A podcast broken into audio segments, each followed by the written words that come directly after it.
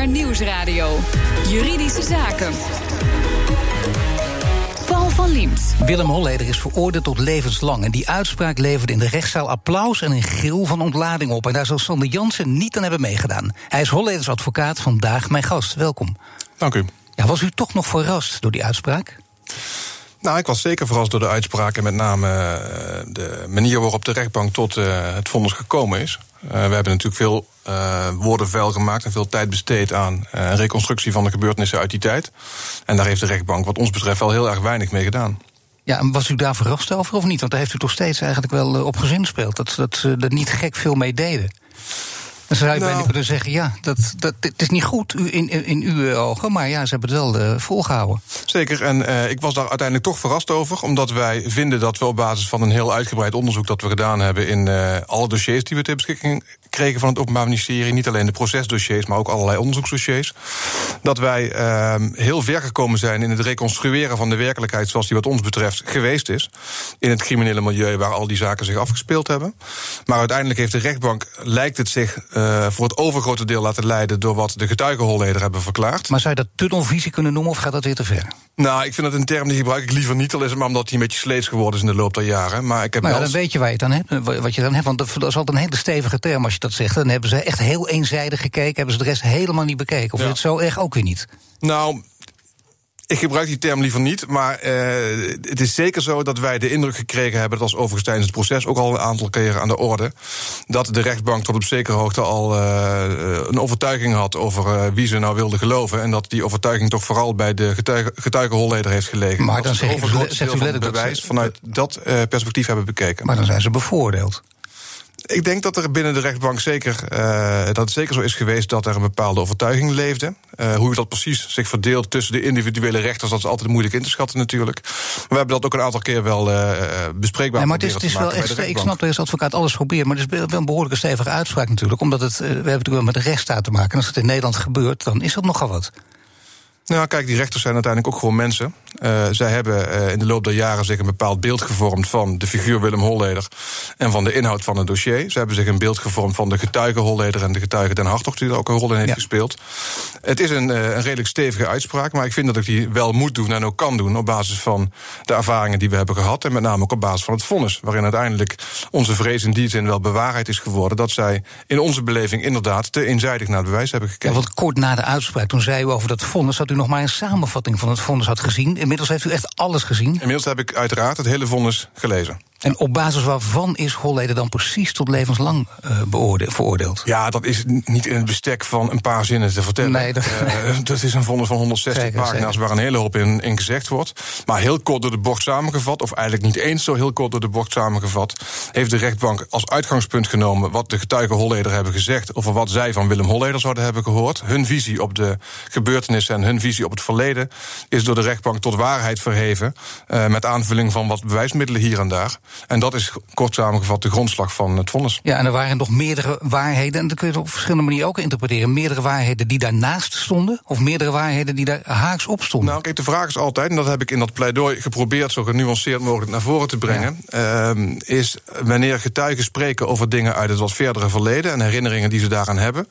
Hoe weet je nou wat zij zeggen waar is? En er kunnen verschillende redenen zijn waarom mensen dingen niet goed vertellen. Het kan zijn dat ze zich niet goed herinneren. Het kan zijn dat ze een andere visie hebben ontwikkeld op de gebeurtenissen in het verleden. Het kan zijn dat ze niet de waarheid spreken. Nou, er zijn allerlei verschillende varianten.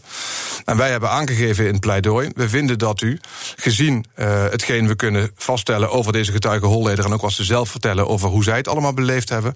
op zijn minst ondersteuning moet zoeken in andere bewijsmiddelen voor wat zij zeggen. En de rechtbank heeft kort gezegd uh, vastgesteld dat ze dat niet nodig vinden. Dat ze de verklaringen op zichzelf voldoende betrouwbaar vinden. En op het moment dat deze in strijd komen met ander bewijs. dat ze dan toch uitgaan van de juistheid van die verklaringen. En is dat niet vreemd als je kijkt naar het verleden? Want dit is in veel zaken voorgekomen. En vooral de discussie van het geheugen is dan al vaker gereconstrueerd. Dat is vaker ook onderwerp van discussie geweest. Nou, dat is in dit zeker... geval dus niet. Nee, dat is in dit geval uh, in feite allemaal door de rechtbank van tafel geveegd. We hebben in dat verband natuurlijk uh, ook al wat specifieke dingen aangevoerd over deze getuigen. Dat gaf nog een hoop gedoe, want het Openbaar Ministerie vond dat wij dat niet mochten zeggen. Bijvoorbeeld mochten zeggen dat, wat ons betreft, Astrid uh, symptomen vertoont van PTSS, wat ze over, ook over zichzelf zegt. dat zijn allemaal omstandigheden waarvan de rechtbank. Maar op basis waar, waarvan kon u dat dan zeggen? Dat zij dat, omdat zij dat zelf al gezegd heeft, zegt u nou, dan kunnen wij dat ook nazeggen? Nou ja, kijk, er is altijd een beetje de discussie van als verdediging, wat kun je wel en niet aanvoeren. En wat kun je stellen als feit of wat kun je stellen als vermoeden. En er is van de zijde van het Openbaar Ministerie hierover gezegd... je mag hier alleen maar uitspraken over doen als een gedragskundige zo'n stoornis vaststelt. Ja.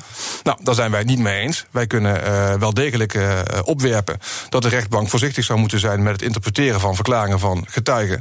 Wanneer wij aanleiding zien om te vermoeden dat daar zoiets zou kunnen spelen. Maar even toch serieus, ik bedoel, je hebt dan toch niet voor niks die wetenschap... die wetenschap van de gedragskunde? Nee, ik maak toch even af. En die aanleiding zien wij in het feit dat die getuige in dit geval zelf gezegd heeft... dat zij daar last van heeft. En in allerlei feiten en omstandigheden die we vrij nauwgezet op een rijtje hebben gezet. En natuurlijk is het zo, zegt u terecht. Uh, bij voorkeur heb je een wetenschapper die dat bevestigt of die daar iets over zegt. Maar dat is in een zaak als dit en bij een getuige als dit uh, vrijwel nooit een haalbare kaart. Want zo'n getuige moet zich dan laten onderzoeken door zo'n gedragskundige. Uh, en als een getuige dat niet wil, dan gebeurt het niet. U wilde, u promoveerde in 2013 op, op kroongetuigen. Constateerde toen dat er van alles mis was met die kroongetuigen. Uh -huh. Hebben kroongetuigen ook een grote rol gespeeld in deze veroordeling? Ik bedoel, echt letterlijk zoals ik het vraag, een grote rol? Ja.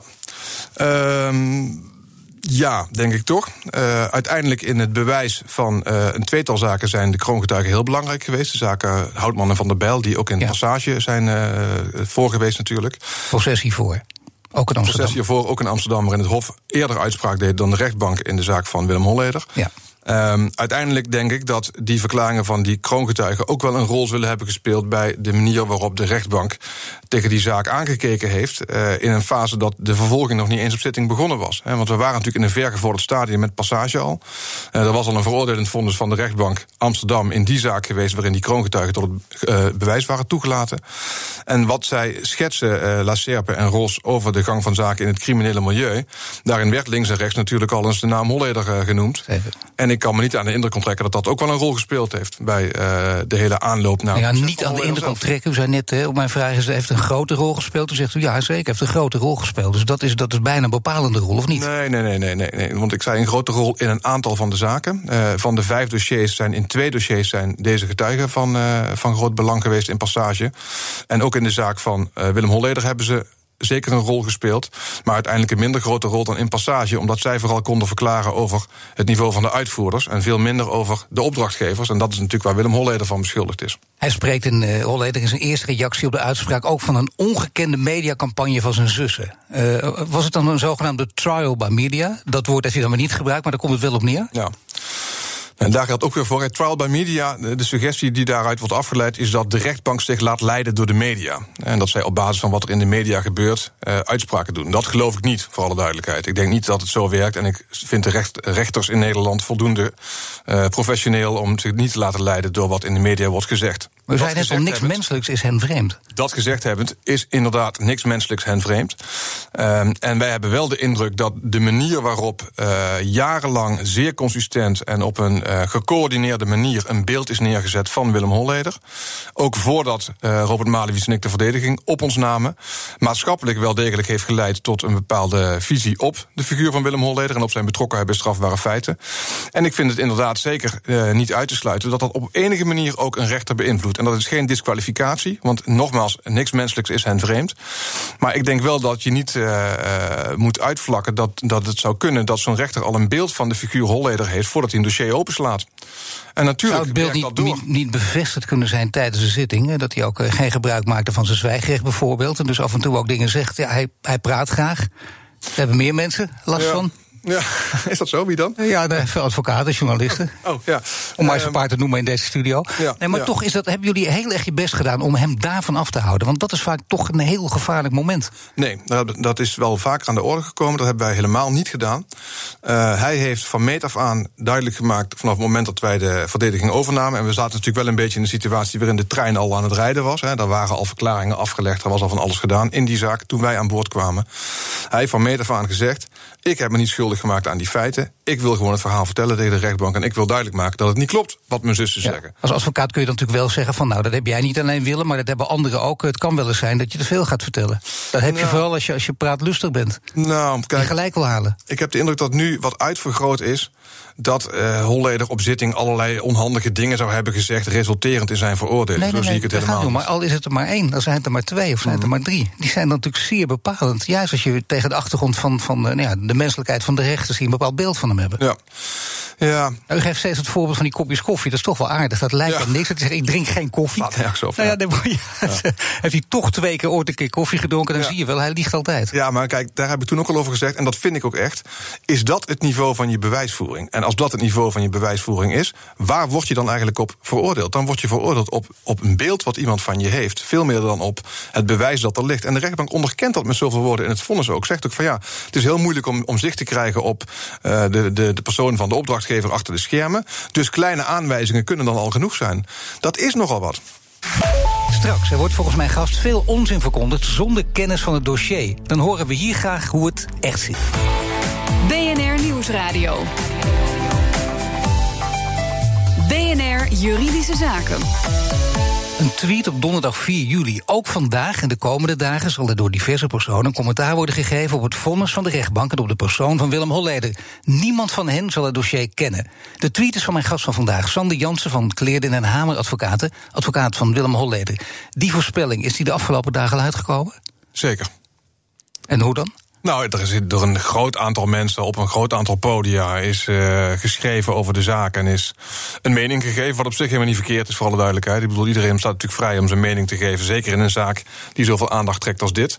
Maar wat ons natuurlijk wel een beetje gestoord heeft in de afgelopen jaren, en nu ook weer, is dat daarin allerlei dingen gezegd worden door allerlei mensen die het dossier niet kennen, die geen zicht hebben op de bewijsmiddelen en die toch vooral op basis van hun eigen gevoel eh, die mening naar voren En brengen. het zijn mensen die zich wel. Kijk, als mensen zeggen we, we zijn eh, in een babbelprogramma aan het babbelen, dan kan het. Maar ook mensen die zich als deskundig voordoen en zeggen ik weet het allemaal. Of doen alsof ze het allemaal gelezen hebben. Nou, dat is in, in verschillende mate is dat het geval. Kijk, Maar is- namen en rugnummers graag dan. Nee, daar ga ik absoluut niet aan beginnen natuurlijk. Nee hoor, daar heb ik geen Nou enkele behoefte aan. Nee, ik heb eh, juist eh, in die tweet geprobeerd duidelijk te maken... dat ik voorspel en verwacht dat er allerlei mensen zullen zijn... die dat op die manier zullen gaan doen. Ik heb overigens ook voorspeld dat het Openbaar Ministerie... echt triomfantelijk zou doen en eh, ze zou gaan voorsorteren... op een uitbreiding van de kroongetuigenregeling. Dat bleek ook een goede voorspelling. Eh, en het is niet mijn bedoeling om mensen te gaan nemen en shamen. Geen sprake van. Eh, wel te ik vind het wel, nou, ik vind het wel goed om, om vast te stellen en te markeren dat het niet helemaal normaal is dat eh, ehm, in een strafzaak die nog loopt, ook al is er nu een eerste vonnis, dat er zo uitgebreid gereflecteerd wordt op de inhoud van bewijsmiddelen, terwijl de mensen die reflecteren die bewijsmiddelen in het algemeen helemaal niet kennen. Nou, nog een tweet dan. Peter R. de Vries en John van der Heuvel zullen zowel als misdaadverslaggever inhoudelijk commentaar geven... als spreken namens een getuige Holleder en vertellen hoe ze de dag beleefd hebben. Niemand zal dat nog raar vinden. Ook gebeurt. Wat vindt u Ook een daarvan? juiste voorspelling. Wat vindt u daarvan?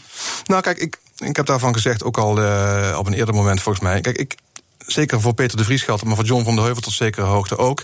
Zij doen daar ook niet moeilijk over. Zij, zij pretenderen niet eh, helemaal objectief in de zaak te staan. Zij eh, eh, bekennen wat dat betreft kleur in de zin dat ze aangeven dat zij een bepaald beeld hebben van de zaak. En dat ze zich op een bepaalde manier aan de zijde van de getuigen scharen. Maar ik vind het wel opmerkelijk wanneer zij dan in programma's worden uitgenodigd. En dan, daar dan naast die rol als toch spreekbuis van de getuigen tot op zekere hoogte. ook als min of meer objectieve misdaadverslaggever. hun mening over de gaan Ja, geven. is dat dan niet zuiver? Het is niet zuiver als op dat moment niet duidelijk is dat zij allebei die rollen vervullen. Eh, als dat wel duidelijk is, dan heb ik er niet zoveel problemen mee. Maar op het moment dat de indruk zou ontstaan dat iemand op dat moment objectief een weergave aan het geven is van de inhoud van het bewijs. eh, en daar geen persoonlijke kleuring in zit, dan vind ik dat niet zuiver. Laten we zeggen, zuiverheid en de rechtsstaat... die moeten helemaal natuurlijk eh, op één voet staan... En, en, en een synoniem aan elkaar worden uitgesproken. De twee officieren bijvoorbeeld, die gaven een uitgebreid interview aan de Volkskrant. Hoe ze het allemaal beleefd hebben vanaf het begin. Je begint ook al te Ja, lachen. ja, ja. Eh, Hadden ze dat eigenlijk niet moeten doen? Als we dus over zuiverheid Ah, nou ja, kijk, ik, ik zit hier nu op de radio. Ik heb ook eh, mezelf in de media wel. eh, ik ben naar voren getreden in de media. Niet uitgebreid overigens, helemaal niet. We hebben over het overgrote deel van de verzoeken hebben altijd nee gezegd. Ik snap tot op zekere hoogte wel dat de officieren misschien ook een keer hun kant van het verhaal wilden vertellen. Eh, maar eh, ja, ik vond het uiteindelijk niet een, niet een heel handig interview. En, eh, Wat was er niet handig aan dan? nou, Nou, er zijn een aantal dingen gezegd, ook over de samenwerking met ons. Waarvan ik de indruk heb dat ze dat best goed bedoeld hebben. Maar waar in ieder geval allerlei vakgenoten het afgelopen weekend overheen vielen. Uh, dat vond ik niet per se aangenaam. Ook omdat het denk ik een, een, een onjuiste lezing van, was van wat de officieren bedoeld hebben te zeggen. Maar wat dat precies? Wat precies? Nou, er werd bijvoorbeeld iets gezegd in dat interview. In de trant van uh, bij de verhoren deden de advocaten echt aan waarheidsvinding. En daarmee hebben ze het Openbaar Ministerie nog wel geholpen ook. Want dat pakte niet altijd goed uit voor Willem Holleder. Ja. Nou, dan krijg je natuurlijk meteen allerlei advocaten die uh, op gaan werpen en andere mensen. Van kijk nou wat een gepruts van die advocaten. Ze maken het alleen maar slechter voor hun klant. Nou, dat is niet iets waarvan ik, uh, waar ik erg blij mee was dat het op die manier er stond. Te meer, en dat is het belangrijkste denk ik. Omdat ik die uh, visie helemaal niet deel. Kijk, inderdaad is het zo, en dat wil ik nog wel een keer gezegd hebben. Deze zaak was onder andere heel bijzonder, omdat wij met Willem Holleder hebben besproken, direct na dat passageproces. Wij willen echt aan waarheidsvinding gaan doen. Ik ga niet nog een keer jarenlang in een proces als ik dat met mijn handen op mijn rug moet doen. En Willem Holleder heeft tegen ons van meet af aan gezegd: doe dat. Hij heeft ons geen enkele beperkingen opgelegd. We hebben alles kunnen uitzoeken, alle getuigen kunnen oproepen. Hij heeft nooit gezegd: doe dit maar niet, doe dat maar niet. Dat is niet altijd zo als je als advocaat uh, optreedt, zeker in dit soort zaken. En ik vind dat we uh, ook met het Openbaar Ministerie eigenlijk uitzonderlijk goed hebben samengewerkt bij de rechtercommissaris om die waarheid zoveel mogelijk naar boven te krijgen. En ik heb helemaal niet de indruk dat daar heel negatieve dingen voor Holleder uitgekomen zijn. Sterker nog, ik vind dat we daardoor erg goed geslaagd zijn in het reconstrueren van de werkelijkheid zoals die volgens mij is geweest. En kun je zeggen dat er dan nu een belangrijk punt overblijft dat steeds niet aan de orde komt, maar met de kennis van het dossier door u graag onder de aandacht wil worden gebracht? Hier op de radio? Ja, dat nog niet gebeurd is? Nou, niet echt. Kijk, dat is, dat is meteen te omvangrijk en te gedetailleerd. Wij hebben steeds gezegd, laat ik dat dan wel zeggen... wij hebben steeds gezegd, je moet de gebeurtenissen... die er in die jaren in het criminele milieu uh, zijn geweest... in hun context zien. En je moet ze bekijken vanuit de machtsverhoudingen... die op dat moment in het criminele milieu aanwezig waren... waarin Holleder een rol speelde... maar waarin ook allerlei andere figuren een rol speelden. Um, en wanneer je ervan uitgaat, zoals de rechtbank doet... dat dit soort opdrachten altijd achter de schermen worden gegeven... en dat achter die schermen altijd een soort machts strijd gaande is die, die tot wisselende samenstellingen leidt. Dus hij nou als zogenaamd als koning geofferd kunnen zijn, terwijl hij niet eh, de echte koning was. Wij denken dat nu, nou, maar hij was het eigenlijk niet. Wij hebben de grote overtuiging, en die is wat ons betreft zeker bevestigd in dat onderzoek, dat hij zeker niet de koning van de onderwereld is geweest. En dat is ook wat vrijwel alle criminelen uit die tijd en andere mensen die daar zicht op hebben gehad, die we daarover hebben kunnen horen, hebben bevestigd. En wat gaat u daarmee doen met, met, met dit, dat vermoeden? Nou, uh, een van de, van de grote teleurstellingen in het vonnis van de rechtbank is dat die uitgebreide analyse die we daarvan gegeven hebben, en die hebben we heel erg uitgebreid en nauwgezet uh, onderbouwd met allerlei bewijsmiddelen die voor een deel echt nieuw waren, die bewijsmiddelen die uit de dossiers kwamen, dat de rechtbank zegt van ja, maar dat gaan we toch niks mee doen, want het komt in strijd met de verklaringen van de getuige Holleder en wij geloven de getuige Holleder. Ja, dat beschouw ik echt als een omgekeerde bewijsvoering. Ik vind dat zij hadden moeten kijken, is er ondersteuning voor de verklaringen van die getuige Holleder? En zo nee, wat is dan meer aannemelijk? Wat zij zeggen of wat al die andere mensen uit het criminele milieu zeggen. En dat is veel te weinig gebeurd in het vonnis van de rechtbank. Speelt uiteindelijk voor u ook een rol? Was het zelfs u belangrijk als advocaat, uh, zeker in dit geval, om in de onschuld van uw cliënt te geloven? Of zegt u nee, dat kan ik professioneel heel goed scheiden? Ik ga daar in individuele zaken nooit uitspraken over doen. Ik nou, maar dit, dit, is, dit is zo'n apart geval dat je zou bijna zeggen: doe dat nu een keertje wel. Nee, maar als ik het nu doe, dan moet ik het een volgende keer ook doen. En ik heb al uh, die vraag. Nee, want het komt nooit meer voor. Nou, er komen wel weer strafzaken die veel uh, stand Van dit niveau? Onder, nou, van dit niveau weet ik deze niet. Maar er komen strafzaken staan bij. Uh, en ik, ik verwijs dan altijd graag naar wat mijn gewaardeerde confrère Gerard Sprong heeft gezegd. Geloven doe je in de kerk. Ik ben er niet bij geweest. Ik weet niet wat er is gebeurd. Ik weet niet wat waar is over wat Astrid zegt, wat Sonja zegt, wat Willem Holleder zegt, wat wie dan ook zegt. Wat ik kan doen is uh, in, in dossierstukken en in getuigenverhoren en in andere onderzoeksmiddelen zoeken naar de waarheid. Dat hebben we gedaan. We hebben die waarheid, vind ik, tot een, groot, uh, tot een, tot een behoorlijk niveau omhoog weten te halen. En die waarheid is op een aantal punten, wat ons betreft, stellig in tegenspraak met wat de getuige Holleder daarover heeft vandaar hoger beroep en op wat voor termijn gaat hoger beroep spelen? Ja, dat is de vraag. Dat is uiteraard niet aan mij. Uh, normaal gesproken zou ik denken dat ergens in het voorjaar van het volgend jaar daar een begin mee wordt gemaakt. Maar dat weet ik gewoon niet. Dat hangt ook af van hoe snel het Hof daarmee aan de slag kan. Hoe snel de stukken van de rechtbank klaar zijn. Dat, ik, ik, heb daar geen zicht op en ik heb daar geen. Zijn er momenten dat u er bijna onderdoor bent gegaan? Ik bedoel, uh, fysiek of mentaal? Want het is nogal wat, deze klus. Nou, nee. U deed nou, voor het niet. interview ook uw jasje Nou, uit, hè? Dat wel. Dat- ja. Ik las wel dat, eh dat de officieren psychologische ondersteuning hadden gekregen. Daarom. Dat eh, hadden, hadden wij misschien ook moeten hebben, meester Malewies en ik. Dat was niet, dat was niet het geval. Nee. dat niet. Het, was wel, ik vond het wel een, een, een, eh, een zware klus in de zin dat het heel erg bepalend is geweest voor mijn leven in de afgelopen jaren. Maar ik heb daarnaast gelukkig een heel eh, de, blij en warm eh, persoonlijk gezinsleven. En dat heeft er goed voor gezorgd dat ik op tijd en tijd en wijle echt wel. En Holleder mocht ook niet, hadden jullie met hem afgesproken. Hij mocht jullie niet in het weekend bellen, heeft hij nooit gedaan. Hij heeft het één keer gedaan. Toch? Toen heb ik, eh, nou nee, maar dat was toen het eerste boek van Astrid uitkwam. Toen heb ik de eh Vught gebeld en tegen gezegd: hij mag me nu bellen. En toen belde hij me en zei hij: dank je dat ik mag bellen in het weekend. En ik goed. dank Sander Jansen van Kleerdin en Hamer Advocaat. Hartelijk dank. BNR Nieuwsradio. BNR Juridische Zaken. Willem laat zijn elektrische motor steeds vaker staan omdat de accu zo snel leeg is. Had hij daar, maar, had hij daar meer van mogen verwachten? Verslag is van Nelke van der Heijden. Willem, jij hebt vier jaar geleden een elektrische motorfiets gekocht. Je was misschien wel een van de eerste. Dus nou, ik ben benieuwd, hoe bevalt dat? Ja, dat bevalt heel erg goed. Alhoewel, ik moet wel zeggen dat eh, de laatste tijd hij steeds, steeds vaker op de opladen moet. Omdat de accu eh, zo ver degradeert, hè, dat, zijn de termen voor het teruglopen van de accucapaciteit. Dat ik niet 100 kilometer ermee kan rijden, maar maar 50 kilometer. Oké, dus dat is gehalveerd in die vier jaar. Ja. En heb je daar dan ook garantie op? Ja, ik heb vijf jaar garantie op de accu met een maximum van 50.000 kilometer. Nou, die vijf jaar, daar val ik binnen, want ik heb dus vier jaar eh, de motorfiets, nieuw gekocht. En ik heb 22.000 kilometer ermee gereden. Dus eigenlijk zit ik eh, op minder dan de helft van het, van het garantie aantal kilometers. En ook nog binnen die vijf jaar. Dus wat dat betreft zit je goed. Dus meteen even bij de dealer aangeklopt. Eerst bij de importeur aangeklopt met de vraag van hoe gaan jullie hiermee om? En de importeur die verwees me naar de dealer met de vraag van eh, laat de dealer de accu testen. De ion lithium eh, accu, eh, dat is de, de accu die de elektromotor aandrijft. Die heeft hij getest. En daar kwam uit eh, naar voren dat het eh, nog net binnen de marges van het aanvaardbare eh, viel. En met, de- met de dealer heb ik afgesproken dat hij hem nog een keer test bij de volgende onderhoudsbeurt. Dat is ergens in oktober dit jaar. En dan gaan we kijken of er iets veranderd is aan die situatie. Maar eigenlijk vind ik dat te lang duren. Dus ik zou nu graag meer helderheid willen hebben over wat mijn rechten zijn daarin. Ja, want het is dus wat jou betreft denk ik helemaal niet binnen het aanvaardbare. Want hoe gebruik je de motor? Ik gebruik hem als woon-werkverkeer. En in het begin kon ik op en neer en dan kon ik thuis weer opladen en dat was prima. Inmiddels moet ik hem eh, bij mijn werk opladen, maar daar hebben ze snelladers. En deze motorfiets, het is natuurlijk al een, motorfiets die ietsje ouder is, die is niet geschikt voor, eh, voor snellaadapparatuur. dus ik laat hem steeds vaker staan, want ik kan hem op mijn werk kan ik hem niet laden en ik kom dan niet meer terug. En je werkt als ZZP'er. Is de motor ook zakelijk? Ja, hij is zakelijk.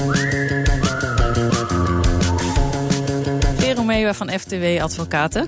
Willem heeft het idee dat de accu echt veel te snel achteruit gaat. Kan hij daar wat mee? Ja, om dat te kunnen bepalen zal hij terug moeten gaan naar het moment dat hij de motor kocht. Wat relevant is, eh, de vraag of hij specifiek heeft gevraagd naar het bereik van zijn batterij. En wat nog relevanter is, is zijn de mededelingen die zijn gedaan door de dealer die hem de motor verkocht heeft. Het lijkt erop dat daar wel over gesproken is, of in ieder geval informatie over is uitgewisseld. Want in de garantievoorwaarden, die onderdeel zijn van de verkoop, is opgenomen dat een batterij terug kan lopen. Er wordt ook een limiet genoemd. En als de teruggang in batterij binnen de limieten valt, ja, dan is dat echt iets wat voor zijn rekening en risico komt. Ja, en de dealer geeft ook aan dat het binnen die marges is. Dus dan is het einde verhaal. Nou ja, als hij redenen heeft om te twijfelen aan de, eh, de meetresultaten van de dealer, dan kan hij dat natuurlijk door een onafhankelijke derde partij laten meten. Dat kan tegenwoordig bij de grotere garages, heb ik begrepen.